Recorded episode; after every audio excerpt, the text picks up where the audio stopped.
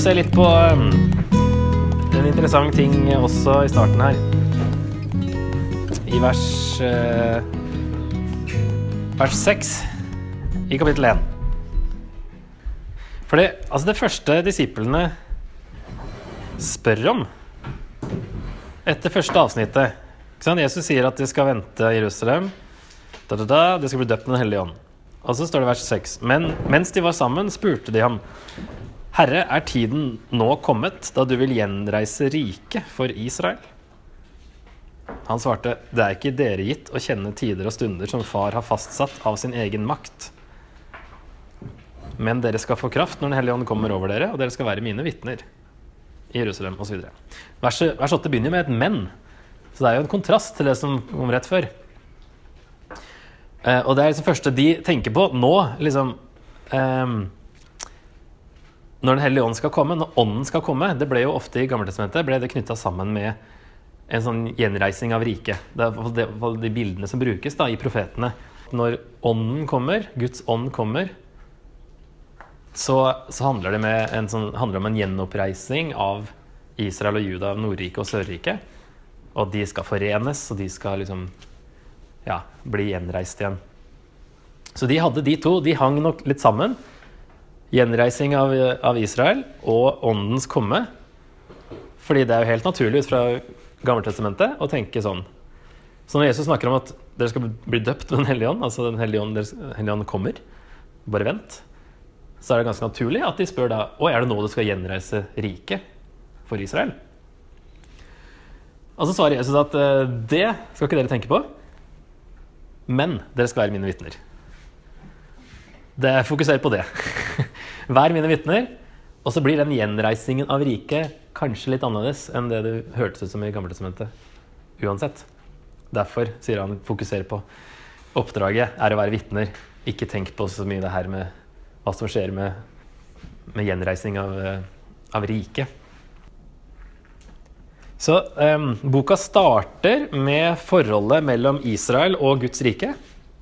For når Guds rike er jo plutselig blitt litt annerledes, da. I og med at hedningene kan få være med så enkelt og greit i Nytestamentet, i Nypakt. Og Guds rike, eller Israel, var jo på en måte Guds rike i GT. Um, og derfor når de snakker om å gjenreise riket, så tenker de politisk. Mens Jesus, når han snakker om riket, så tenker han ikke politisk. Så derfor sier han kanskje ikke tenk så mye på det. Det blir annerledes, og det skjønner dere etter hvert. Så, men boka åpner med liksom den sammenhengen her, og så slutter det også litt uh, i siste kapittelet på samme måte. Eller det er jo ikke helt siste verset, da, men i vers 17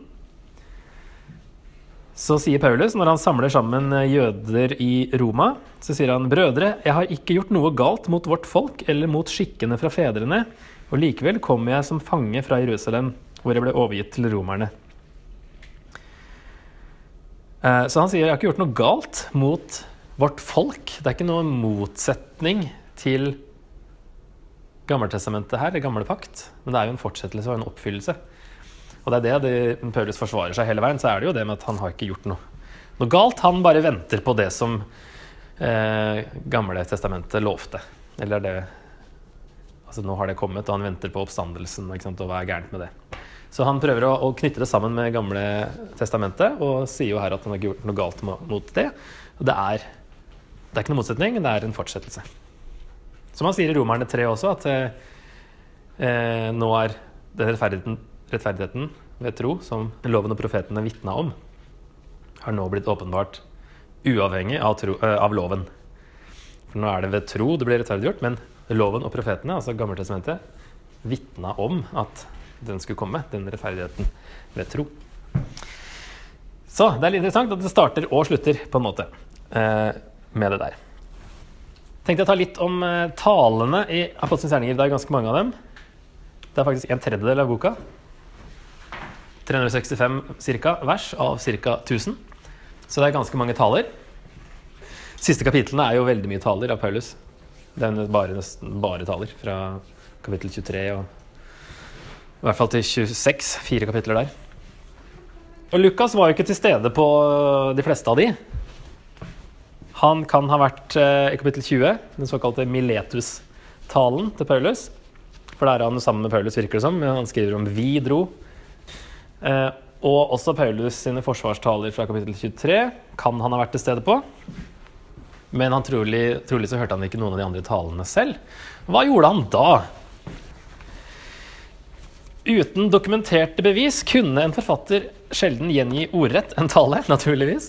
I stedet ga de oppsummeringer som fikk fram hovedpoengene av det som var blitt sagt. Det var vanlig sånn i måten man skrev. Når man skrev historie, da, så var det ikke nødvendig å ha det ordrett, sånn som vi kanskje mener at det burde vært. At det som siteres, skal være ordrett.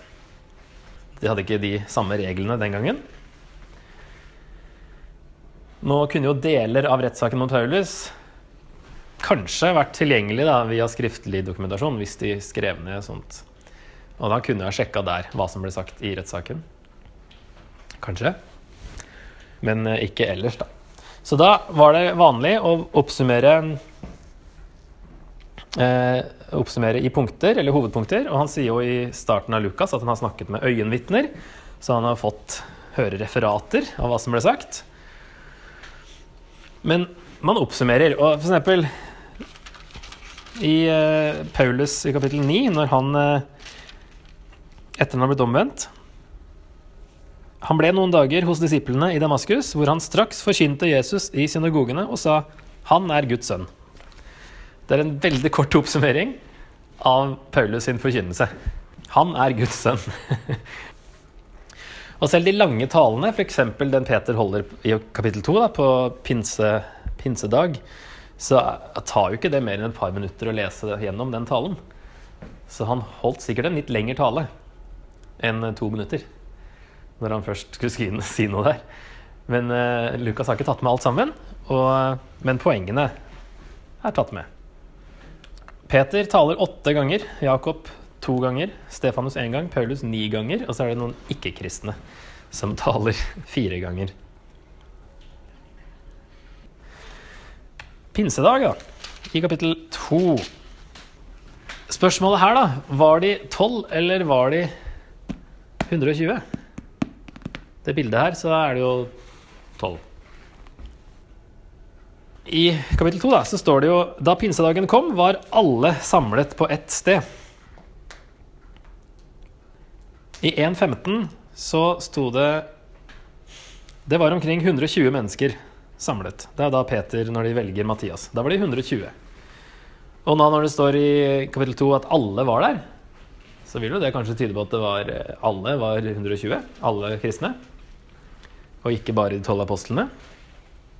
Så det er ofte liksom, det er folk som lusker i kulissene i Bibelen, som ikke nevnes sånn tydelig, men som var det plutselig mange flere til stede enn eh, det vi får inntrykk av av og til.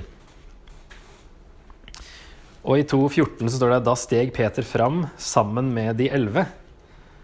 Det virker som at de da apostlene skiller seg fra resten av flokken, kanskje, og tar liksom ansvaret. Mens de andre 100 og, ca. 108 um, sto igjen bak. Så det um, Jeg tipper at det kanskje var flere enn tolv. Og at det her betyr at nå eh, Det er på en måte en sånn eh, Altså Det er jo det Jesus har sagt de skulle vente på. Eh, at de skulle få kraft. Og så er det på en måte òg symbol, dette med ild og Det var jo i denne røyk... Eller røyk, ja, denne skya i tempelet i den gamle pakt, var jo en eh, ildsøyle om natta. Den som leda dem gjennom gjennom ørkenen, og så var det en, en sky på dagen. Så det kan jo være noe som hentes opp igjen der, at nå tar Gud bolig i menigheten. I GT så bodde han i tempelet. Så når Jesus kom, så bodde han i Jesus. Da var Jesus var jo inkarnert Gud. Og nå når Jesus har gått opp igjen, så tar Gud bolig i menigheten. At det, det, det skjer noe mer enn at de bare får eh, får Den hellige ånd. Det er kraft, men det er også det at nå Gud Det er Guds kraft, Guds ånd, som kommer og tar bolig i dem individuelt og som menighet kollektivt. Så det er på en måte neste skritt da, på den historien om hvor Gud holder til. Nå bor han i menigheten, og han bor i oss. Eh, I GT så var det jo um, bare ledere, profeter og prester som det sies hadde Guds ånd, på en måte. Moses eldste, Josva, dommere og konger, som nevnes da eh, som eh, i forbindelse med Guds ånd.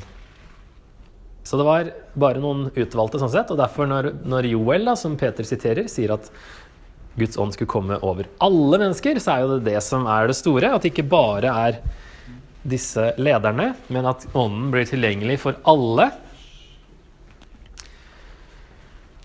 Og så betyr det òg at de siste tider har begynt. For har dere lagt merke til det som han eh, også siterer fra Joel? Han sier jo først det der med Altså, i de siste dager skal det skje, sier Gud, at jeg øser ut min ånd over alle mennesker. Deres sønner og døtre skal profetere, de unge skal se syn, og de gamle skal drømme drømmer. Selv over mine slaver og slavekvinner vil jeg i de dager øse ut min ånd, og de skal tale profetisk. Men så sier han, jeg setter varsler oppe på himmelen og tegn nede på jorden, blod og ild og røykskyer. Solen skal forvandles til mørke og månen til blod, før Herrens dag kommer, den store og strålende. Men hver den som påkaller Herrens navn, skal bli frelst. Dette med røykskyer og blod og ild og sol til mørke og måne til blod, det skjedde jo ikke her på pinsedag. Det er noe som da fortsatt ligger i framtida. Det blir plutselig et hopp imellom de to versene i Joel, med da den tida mellom Jesu første og andre komme, som plutselig har foreløpig vart i 2000 år. Som i Joel og de andre profetene høres ut som at det skjer når Messias kommer, så er det slutt på verdenshistorien. Da kommer det messianske riket. Men så er det da en overraskelse at det Jesus kommer to ganger. Eh, men de siste dager har jo begynt. I de siste dager skal det skje at jeg øser ut min ånd over alle mennesker. Så da, når Jesus kom, når Den hellige ånd kom, så begynte de siste dager. Så de siste dager har foreløpig vart i 2000 år. Eh, og derfor kan det, det siste, det siste perioden av de siste dager, dette med blod og ild og røykskyer, eh, det eh, hører oss til de siste dager, men på slutten. Så det er ganske mange siste dager. Så endetiden har jo vart ganske lenge, sånn sett. De så på det som Messias kom, det var siste, siste kapittelet liksom, på Guds store plan. Som plutselig hadde litt flere sider enn, de hadde, enn profetene hadde sett i Gammeltestamentet. Nå er det jo Kapittel to er kanskje det mest kjente da, av eh, sånn eh, at de blir fylt av Den hellige ånd, som det står. Men det skjer jo en gang til i eh, slutten av kapittel fire. Da de hadde bedt, skalv stedet der de var samlet. De ble alle fylt av Den hellige ånd og talte Guds ord med frimodighet.